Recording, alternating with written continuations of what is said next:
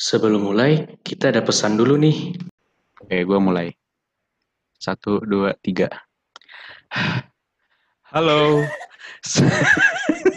Oh, ulang, ulang nanti ada hahnya. Oke, siap. Halo, selamat datang di Spatalk episode kedua.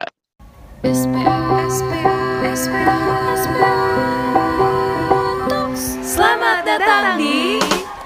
SPA Talks. Halo guys. Halo. Halo. Eh, nggak kerasa nih UTBK tinggal satu bulan lagi, nggak berasa banget ya. Iya, bener banget sih. Eh, kalau dari, dari timeline, UTBK tuh jalan masuk terakhir sebelum simak kan ya? Betul, betul. Eh, Bener banget iya. nih. Jadi eh, untuk kalian peserta UTBK jangan lupa persiapin maksimal nih supaya nggak menyesal ke depannya.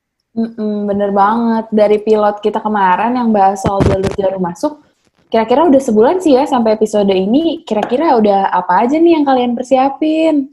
Ini Semangat lagi ya. zaman-zamannya panik-paniknya sih kalau satu bulan Hmm. sebelum UTBK. Nah, kemarin kan kita tuh udah bahas tentang cara-cara masuk ke UI nih. Eh, terus nextnya apa aja sih yang harus dilakuin setelah masuk UI? Nah, benar juga sih. Ya, mungkin karena saking banyaknya sarana panitiaan dan organisasi gitu, kita jadi bingung gimana caranya bagi waktu sama akademik. Kalau gue sih kayak gitu, mungkin kalian juga sama ya kayak gitu. Iya, kan FEUI fakultas event banyak ya. Ah, iya. Event dan bazar. Event dan bazar. Maaf ya, Kan banyak. event banyak. Maaf guys. Nah, tapi emang bener sih tadi Kak yang udah dibilang sama Jamal, makanya kita tuh harus bisa nyusun nih kira-kira kita tuh setiap semesternya kita mau Bener ngerjain apa aja. Oke, kita mulai ya dari semester satu sama dua. Jadi semester satu sama semester dua itu kayak bag- eh, masih gampang-gampangnya pelajaran nih. Jadi kalian tuh harus bisa nabung-nabung nilai di awal-awal itu. Soalnya semakin atas terus semakin susah buat pelajarannya. Dan karena masih gampang pelajarannya, lu tuh harus bisa aktif di panitia atau organisasi nih. Nah, untuk semester 3 ke 4, di mana pelajarannya udah mulai susah, itu tuh harus udah mulai fokus buat belajar. Karena jika lu lalai sedikit aja, itu bakal keteteran sih. Dan di tahun ini, lu bisa ikut lomba-lomba yang gampang kayak business plan atau business case. Terus, selain itu, kalian juga bisa lanjut di organisasi atau kepanitiaan lu. Eh, tapi yang perlu gue tekenin di sini kalian juga harus tahu waktu nih karena nggak semua orang itu bisa menghandle beban kerja yang sama. Jadi kalian sendiri yang harus mengukur kemampuan kalian itu seperti apa. Gue lanjut Bener kali banget. ya. Buat di Lanjut. semester selanjutnya nih tahun ketiga 5 dan 6 itu sebenarnya em, udah nggak sebanyak 34. Kalau 34 itu lebih ke banyak asis dan ribet segala macam. Kalau 56 ini banyaknya tugas dan itu kayak paper paper paper paper. Jadi eh, kalian itu bisa coba alternatif buat misalnya nih di kepanitiaan atau di organisasi maju lagi jadi pengurus inti atau kalian bisa lebih fokus ke lomba-lomba itu alternatif juga. Dan di semester ini kalian harus coba-coba mulai magang. Kalau bisa sih magangnya sebaiknya mulai dari se- setelah semester 4 sih. Tapi kalau misalkan belum, nah ini saatnya kalian eh, cari-cari tempat magang. Kalau pinter juga bisa ini nggak sih ngasih lumayan nyari-nyari duit. Iya, benar banget nih. sih. pokoknya tahun ketiga itu eh, saatnya kalian daftar asdos, eh, asisten research kayak gitu-gitu. Terus untuk tahun keempat itu ada dua opsi. Kalau misalnya kalian mau lulus tiga setengah tahun untuk anak akuntansi, sebaiknya sebelum semester 7 itu kalian udah magang nih. Nah, terus di semester tujuhnya itu kalian bisa sekalian ngambil laporan magang. Tapi kalau emang kalian mau lempeng aja nih 4 tahun, gue ada saran juga sebaiknya semester 8-nya itu dikosongin. Jadi kalau bisa mata kuliahnya itu udah disodok sebelumnya. Kenapa? Karena kalau misalkan kalian ambil tugas akhir magang, itu bakal susah banget cari perusahaan yang mau menerima kalian untuk cabut-cabut buat kelas gitu loh. Jadi sebaiknya eh, lima hari itu kosong. Jadi di semester akhir itu khusus buat magang gitu. Tapi kalau mau skripsi juga that's fine sih. Kalau kalian mau skripsi, kalian mungkin bisa ambil kelas asistensi lebih banyak dan juga bisa ngambil SKS juga gitu sih. Terus apalagi ya kira-kira yang harus kita siapin? Eh, eh, Talia, gue mau nanya deh, kalau misalnya yang magang sebelum kayak buat yang tiga setengah tahun itu, magangnya berarti pas libur atau gimana? Iya, pas libur nih. Jadi kan kita ada libur kayak semacam summer break gitu ya. Itu kurang lebih tiga bulan. Nah, kalau ketentuan magang itu minimal dua bulan. Jadi sebenarnya di antara tiga bulan itu kalian bisa lah eh, sempetin waktu buat magang gitu. Oh, jadi dari magang yang kita lakukan pas liburan tuh bisa dijadiin buat laporan tugas akhir kita Yes, exactly. magang gitu. Oh, oke oke. Bagus juga tuh, guys. Berarti fun fact sih. ini bener nggak sih yang katanya cuma jurusan akuntansi yang bisa nggak skripsi tapi labgang? Iya benar. Jadi, Kalau kalau misalkan di akuntansi itu dia ada dua opsi, eh, itu magang dan skripsi gitu. Jadi kalian bisa pilih aja salah satunya. Eh guys, gue nanya dong. Menurut kalian nih, penting gak sih organisasi atau kepanitiaan itu? Menurut gue sih penting karena kalau kalian tahu dari Spatok episode sebelumnya kan gue dari swasta banget dan pas gue masuk gue cuma punya satu teman dan satu teman gue itu anak internasional jadi kita banyak banget gak berkesinambungan dan sekelas jadi gue mikir ya eh, gue ga- orangnya tuh nggak bisa ya nggak punya temen gitu tipenya dan bahkan gue di SMA juga aktif dulu gue eh, ketua osis terus kayak gue ngerasa kayak kalau misalnya gue nggak aktif panitia atau organisasi mungkin hidup gue rada hampa gitu tapi itu dari gue sendiri ini dari sisi gue jadi Sama-sama akhirnya gue bisa relate kok. Iya kan, makanya akhirnya semester 1 masuk, gue kayak daftar sebanyak-banyaknya mungkin organisasi dan panitia. Nah ini tips buat kalian sih, kalian kalau misalnya daftar sesuatu, kalian harus pikir-pikir juga, jangan asal main daftar semua panitia yang dioprek gitu. Oprek tuh namanya open recruitment di kita. Jadi kayak kalian juga harus tahu kapabilitas kalian bisa eh, menjagel berapa panitia serta mempertahankan eh, mata kuliah kalian, nilai-nilai kalian juga. Jadi dulu tuh gue ngambil ada kali kayaknya empat panitia gitu, mau dari tingkat FE maupun dari tingkat UI itu gue ambil semua. Tapi privilege untuk gue sih jujur teman-teman gue jadi banyak dan diverse banget. Cuman ya minusnya gue bener-bener harus bisa balancein waktu gue dan ke atasnya juga kenapa gue mutus buat join SPA karena gue ngerasa kalau di organisasi itu kalian bener-bener bisa dapat keluarga baru juga gitu. Karena gue merasakan itu sendiri. Karena kalian tuh bakal setahun bersama dan baka- bakal kerja bareng terus. Jadi kayak menurut gue rada impossible gitu sih sampai kayak kalian gak mendapatkan rasa sense of belonging gitu sama divisi kalian atau sama organisasi kalian pun bahkan tapi itu kan dari sisi gue seseorang yang emang nggak bisa nggak aktif tipe anaknya. Mungkin dari yang lain ada yang mau cerita? Nah, iya menurut gue juga sama kayak LD, apa namanya ikut organisasi sama panit itu eh, lumayan penting. Selain kayak nambah teman, nambah relasi juga kan juga nambah pengalaman. Apalagi dulu gue SMA juga nggak pernah kan ikut organisasi cuman eskul eskul doang. Dan menurut gue kayak lumayan gitu loh kayak ngehandle suatu acara gitu.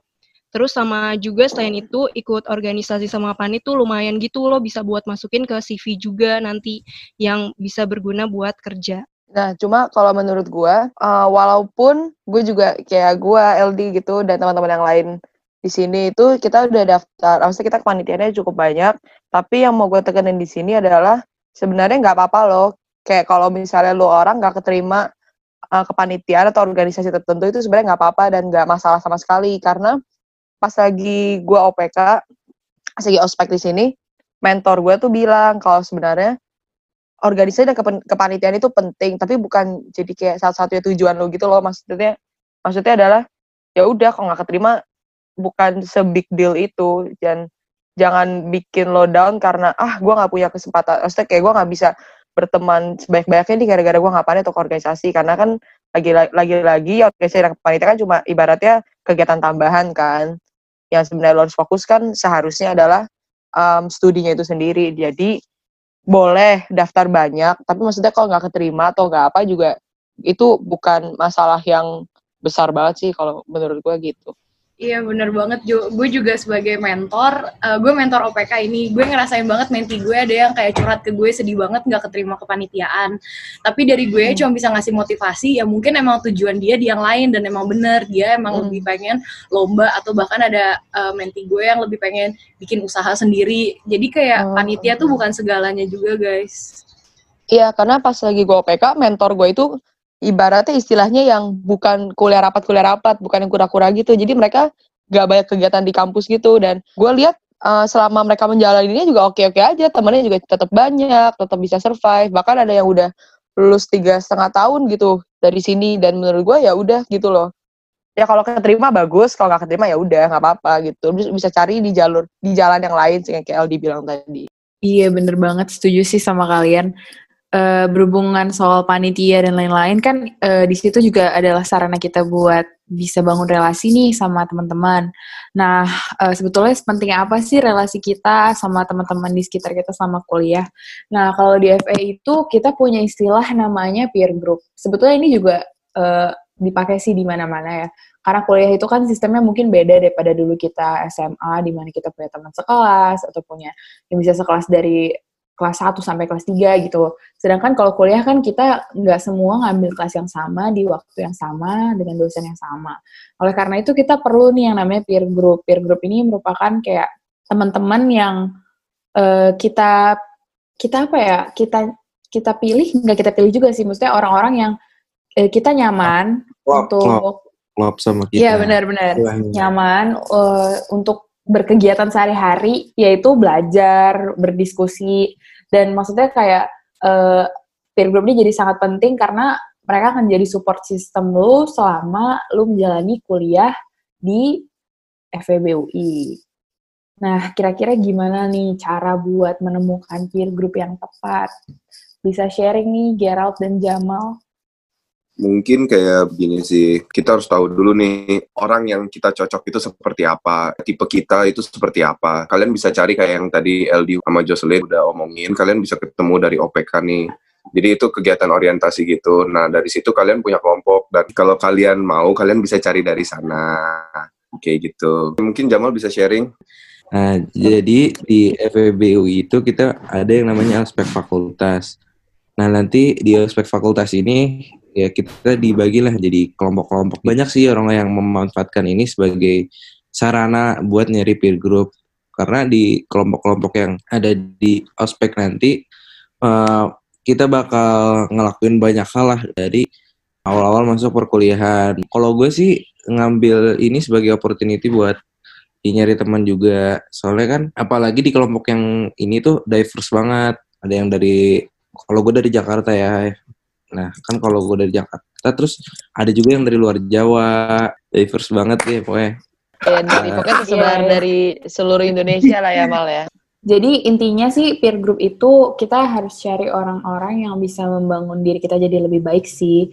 Dan OPK itu salah satu langkah yang paling awal buat kita beradaptasi gitu sama teman-teman baru kita di Iya. dunia perkuliahan. Intinya kalau misalnya nanti lu berada di dalam suatu lingkup pertemanan yang menurut lu kurang mendukung lu, kayak maksudnya lu kurang cocok dengan cara belajarnya atau lu kurang cocok dengan pribadinya, itu jangan ragu buat kayak bilang sama mereka atau jangan ragu untuk ambil langkah untuk mencari ibaratnya emang teman-teman yang cocok gitu. Bukannya kalian bermilih-milih ya tapi dalam hal e, berteman kan memang kita harus sebisa mungkin mempertahankan yang bisa membangun kita jadi lebih baik gitu jangan sampai kita malah terbawa ke arah yang lebih buruk gitu itu aja Nah, sih di- yang penting OPK juga kebayang banget sih nanti orang-orang yang bakal lo temuin di FEB FEB itu kayak gimana.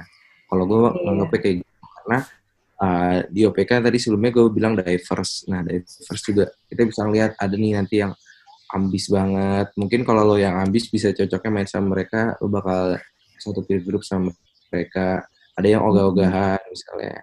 Nah itu lo juga bisa temenan sama mereka. Nah selain dari OPK juga kalau misalnya lu ngekos atau gimana juga bisa lah jangan di kos doang atau kayak lu coba main lah misalnya kayak lu makan di luar kalau gue sih kayak gitu nanti lu lagi makan di luar tiba-tiba ketemu aja sama orang kalau anak FE itu lebih lebih seringnya ada di ikutek kan Mm, Karena lu bener-bener. bisa- dari situ lu bisa kayak kenalan aja kalau gue juga dapat peer group kadang-kadang juga kayak random aja gitu dari tiba-tiba lagi ngobrol sama orang.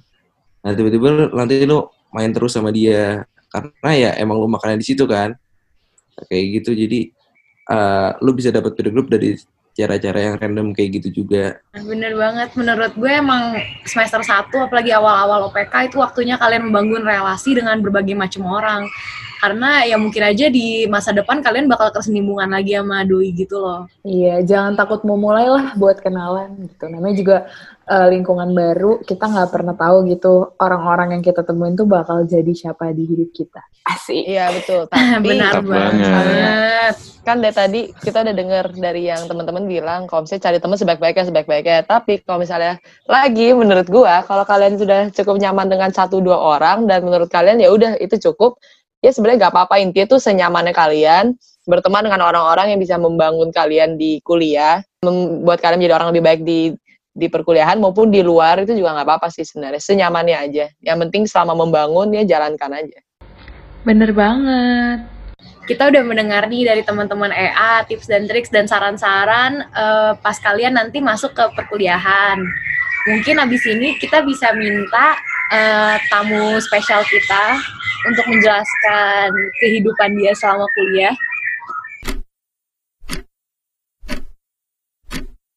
Itu burung siapa? Siapa sih? itu gue kira itu gue kira suara konslet atau apa gitu loh kayak suara burung Guys, guys, balik ke topik yuk. Jadi hari ini kita nggak sendiri nih, kita kedatangan dua tamu spesial.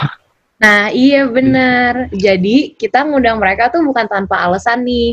Nah, jadi tamu-tamu kita itu orang yang menurut kita dapat menginspirasi kalian karena mereka tuh bisa menyeimbangkan kehidupan akademis dan non-akademis mereka di eh, perkuliahan ini. Nah, bener banget. Sekarang kita kenalan dulu kali ya sama salah satu narasumber kita. Silakan Brenda. Halo semuanya, nama gue Brenda, gue akuntansi angkatan 2017. Hai Brenda. Hai Brenda. Halo, halo. Eh, gue mau nanya dong nih, Bren. Ceritain dong tentang diri lu sama background lu sama kesibukan lu sekarang. Um, Oke, mungkin dari background, um, sebenarnya sih gue nggak melihat diri gue seperti kayak berbeda banget sama teman-teman yang lain. Untuk kesibukan, mungkin dari awal dulu gue organisasi, gue ikut di Hima Akuntansi SPA juga sebagai ASO SR. Terus sekarang gue lagi uh, involved di organisasi Share UI sama jadi PI di Tech Seminar and Training sebagai VPO uh, khususnya bertugas di divisi event. gitu. Wah, Oh, keren keren banget banget sih. Dan lu juga jadi itu nggak sih asistensi dosen juga? Oh iya, baru mulai semester lalu sih sebagai asdos AM. Wah, keren banget. Nah, gue denger-denger juga nih, lu kan GPA 2017 dan lu bisa nyimbangin semuanya dengan baik. Gimana sih cara lu biar bisa nyimbangin antara akademis sama non akademisnya? Um, mungkin dalam hal menyeimbangkan, menurut gue yang penting itu know your priority gitu. Jadi misal menurut gue di semester ini itu kalian set goals dulu. Apakah kalian pengen lebih ke akademis kah atau pengen ke organisasi? Tapi I know it's hard. Kadang kita harus juggling kan between akademis sama non akademis.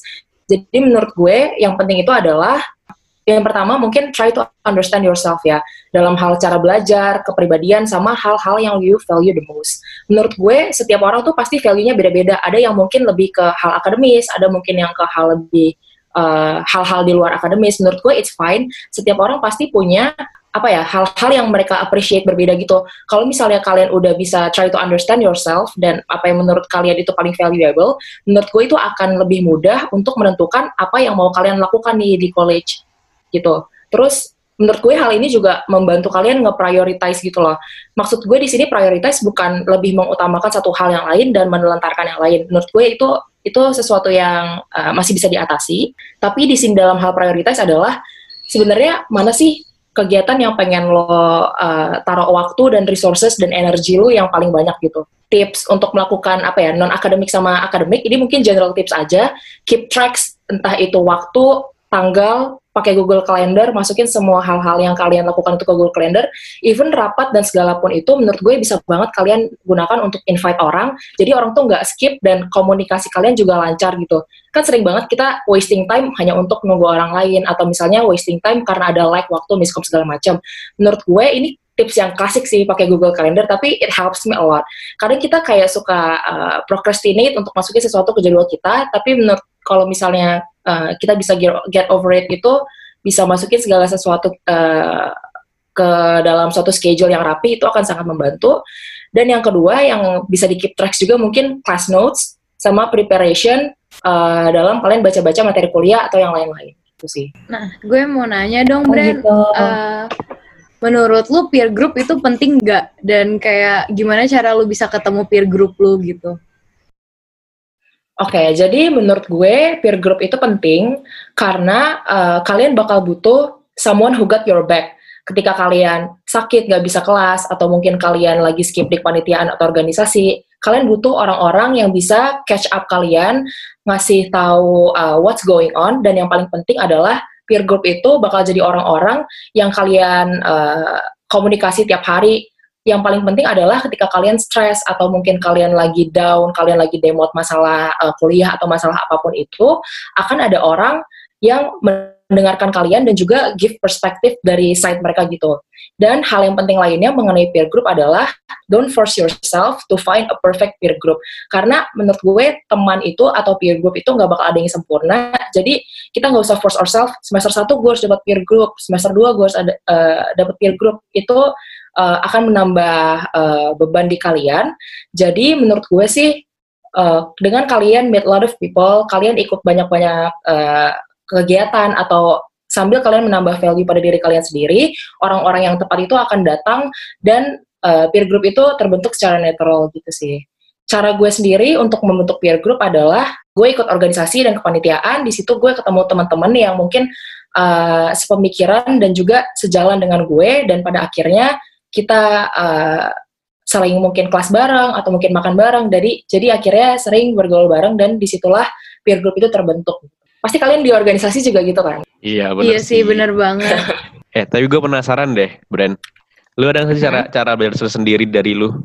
Belajar kayak gimana sih lu? Cara tipe belajar yang kayak gimana? tentang tipe belajar mungkin ini tiap orang beda-beda tapi kalau gue sendiri itu gue belajar paling banyak dari mendengarkan gitu loh jadi gue bisa belajar kalau misalnya gue cuma ngebaca buku aja. Jadi karena tipe belajar gue itu visual gue make the most dari classes gitu loh. Karena kalau misalnya di kelas itu kan kita dengar penjelasan dosen uh, dan gue tahu itu cara belajar gue yang terbaik. Jadi gue nggak skip classes gue nggak skip asis gitu sih. Tapi gue yakin ini cara belajar tiap-tiap orang beda. Ada yang mungkin belajarnya secara grup ada yang mungkin belajarnya sendiri baca buku gitu sih. Oh, makasih banget tipsnya, Bren. Eh, kalau gue mau nanya nih sekarang. Oke, jadi tadi tuh eh, kita udah ngomong tentang priority nih, Brand. Kira-kira kalau lo sendiri, priority lo gimana sih? Apa yang paling lo value the most? Wah, Talia pertanyaannya berat nih. yang gue value itu knowledge sama ngasih value ke orang. Jadi eh, misalnya nih gue punya value di mana gue suka eh, give value to other people, ya gue ikut kepanitiaan, organisasi di mana emang hal-hal yang menurut gue itu valuable itu bisa tersampaikan. Eh, lu kan tadi bisa menjagal segitu banyak hal kan. Lu sebenarnya pernah merasa demot gak sih selama menjalankan itu? Dan misalnya emang lu pernah demot, kayak gimana cara lu ngatasinnya? Pasti pernah ya, bahkan mungkin kalau bisa dibilang sering ya, kayak uh, gue pasti cerita ke teman-teman gue, almost every UTS atau UAS tuh pasti kayak ada titik-titik di mana kita demot bareng gitu, kayak aduh udah nggak mau belajar lah, udah udah capek banget, udah nggak peduli lagi gitu kan. Tapi uh, seiring banyak semester yang gue lewati nih, kayak gue udah makin mengerti nih patternnya, oh pasti pasti gue bakal demot, pasti uh, ada titik-titik di mana gue merasa jenuh dan segala macam.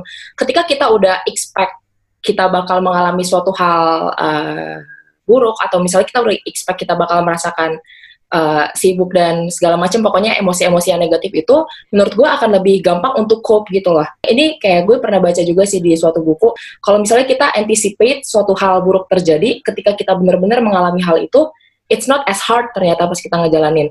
Dan ketika gue demot uh, hal yang gue lakukan adalah yang pasti gue open ke teman-teman gue, gue cerita sebenarnya struggle gue di mana.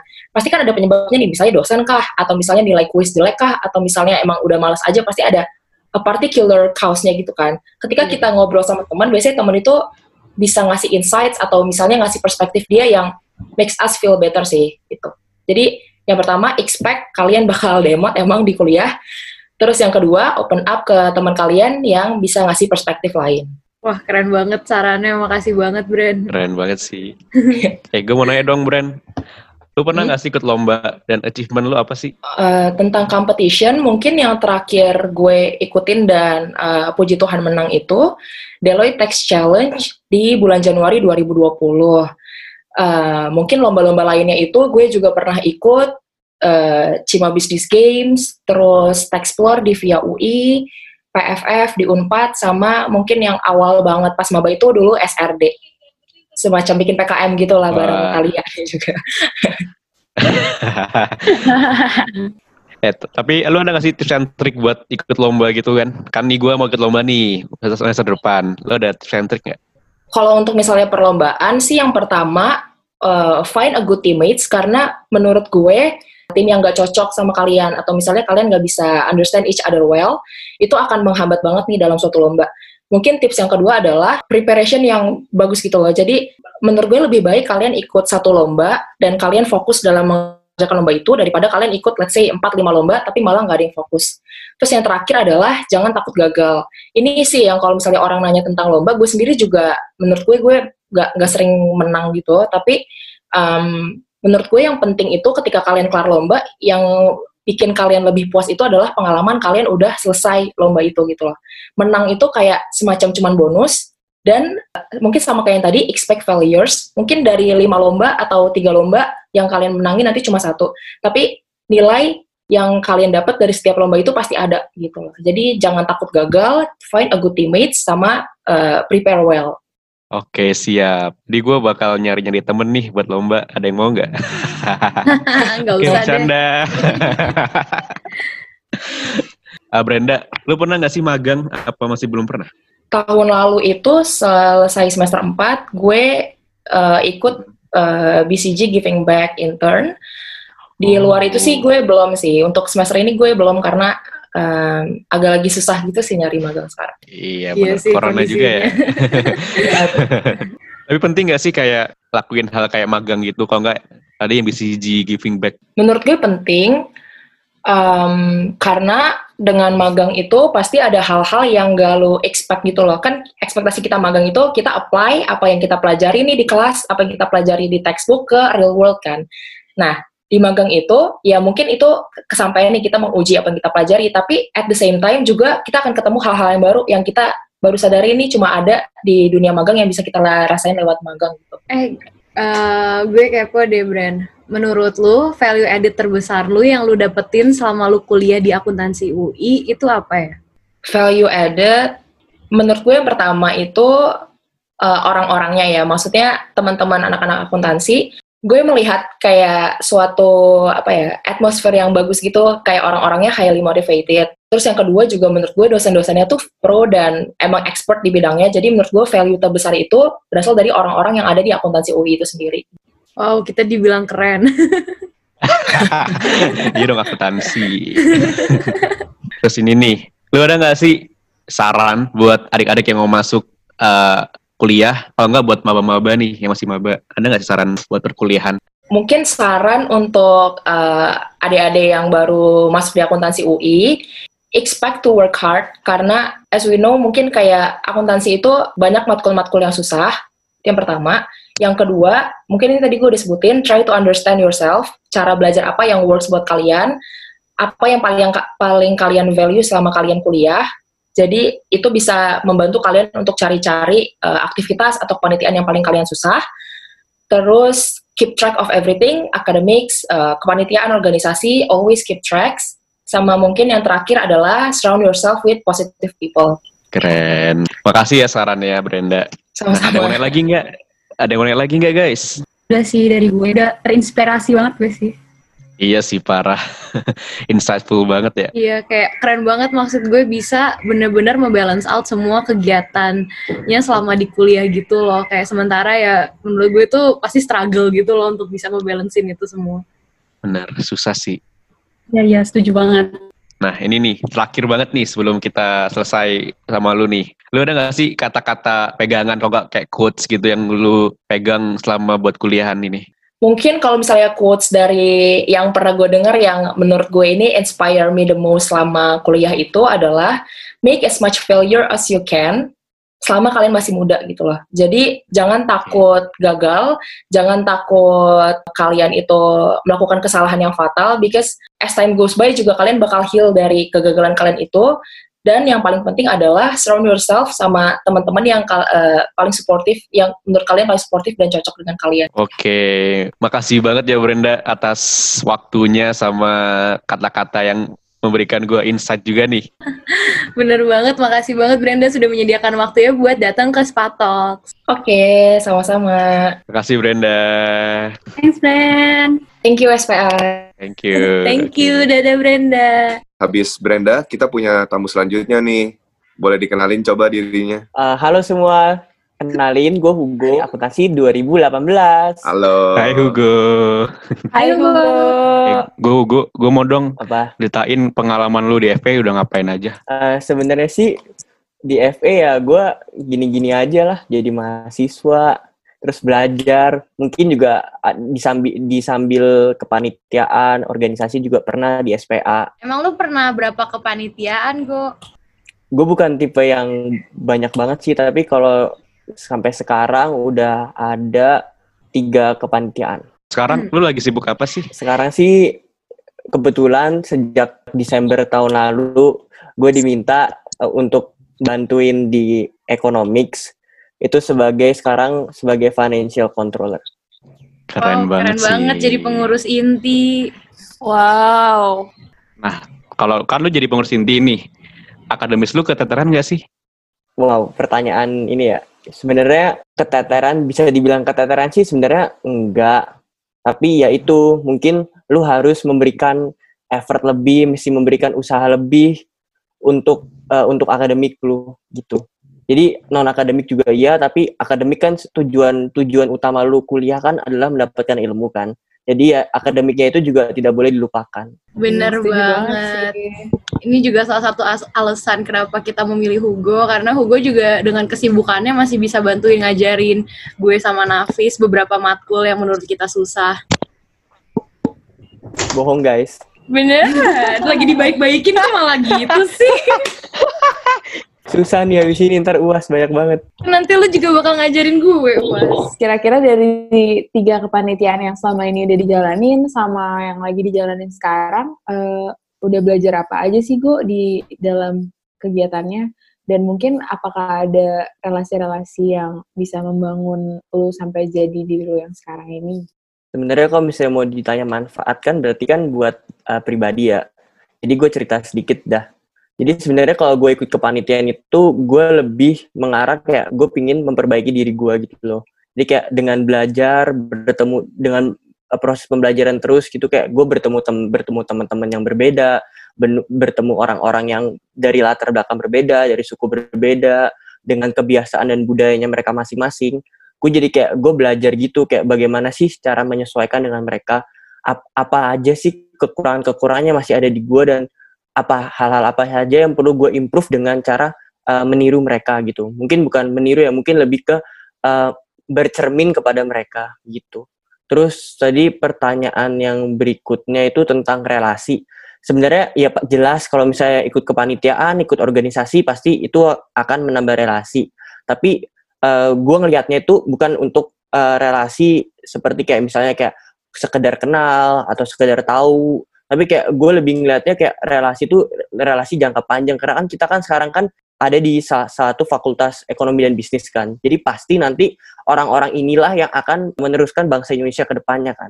Meneruskan bangsa Indonesia dalam bidang ekonomi. Sehingga ya itu gue uh, menjalin relasi itu uh, harus harus dimulai itu semenjak kuliah gitu. Wow, keren banget. Oh iya, gue denger-denger lu tuh aktifnya nggak cuma di dalam ruang lingkup FEUI doang kan, tapi lu aktif di luar juga kan. Boleh dong sharing pengalamannya dan kenapa lu bisa aktif di organisasi-organisasi luar UI juga? Uh, sebenarnya untuk tahun ini sih kurang aktif, tapi tahun lalu sih sebenarnya gue cukup aktif di ICAW itu stu- Student Chapter for Indonesia. Jadi sedikit cerita, ICAW itu untuk Student Chapter Indonesia itu uh, terdiri dari beberapa universitas gitu. Ada BINUS, terus kemudian ada TSM, kemudian ada UI dan ada beberapa universitas lain. Nah di situ sebenarnya awal mula gue bisa bergabung dengan ICAW Student Chapter Indonesia itu dengan waktu itu gue diajak sih sebenarnya ya ini balik lagi sih ke relasi lu. Dulu gue diajak sama namanya uh, Kak Pia, dia tuh akuntansi 2015.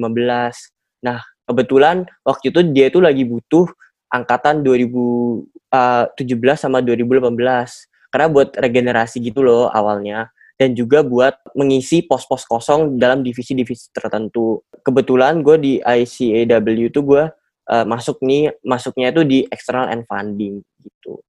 Tapi ya sama sih kalau positifnya kalau misalnya yang bisa di ekstra kampus, ekstra UI itu di luar UI itu ya itu mungkin bisa lebih kenal gitu ke universitas-universitas lain dan juga uh, belajar mungkin dari mereka bagaimana budaya mereka, bagaimana juga kebiasaan mereka di kampus dan juga yaitu kemudian juga mungkin bisa lu bisa improve diri lu juga gitu. Mantap Hugo. Eh, gue mau nanya dong, Gue. Kira-kira lu ada gak sih saran buat adik-adik yang mau masuk kuliah? Untuk adik-adik 2020 berarti ya atau dan seterusnya yang mungkin akan masuk ke dunia perkuliahan, pertama sih saran gue jangan jangan takut untuk mencoba hal-hal baru.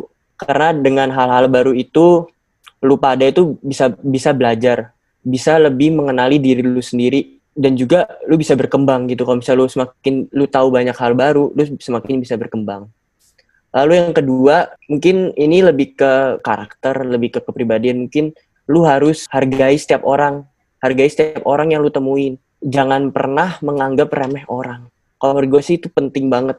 Dan yang ketiga, jatuh bangun tuh hal yang biasa gitu loh. Kayak kegagalan itu adalah sesuatu yang lumrah di dunia perkuliahan, di dunia uh, lu sebagai se seorang calon sarjana.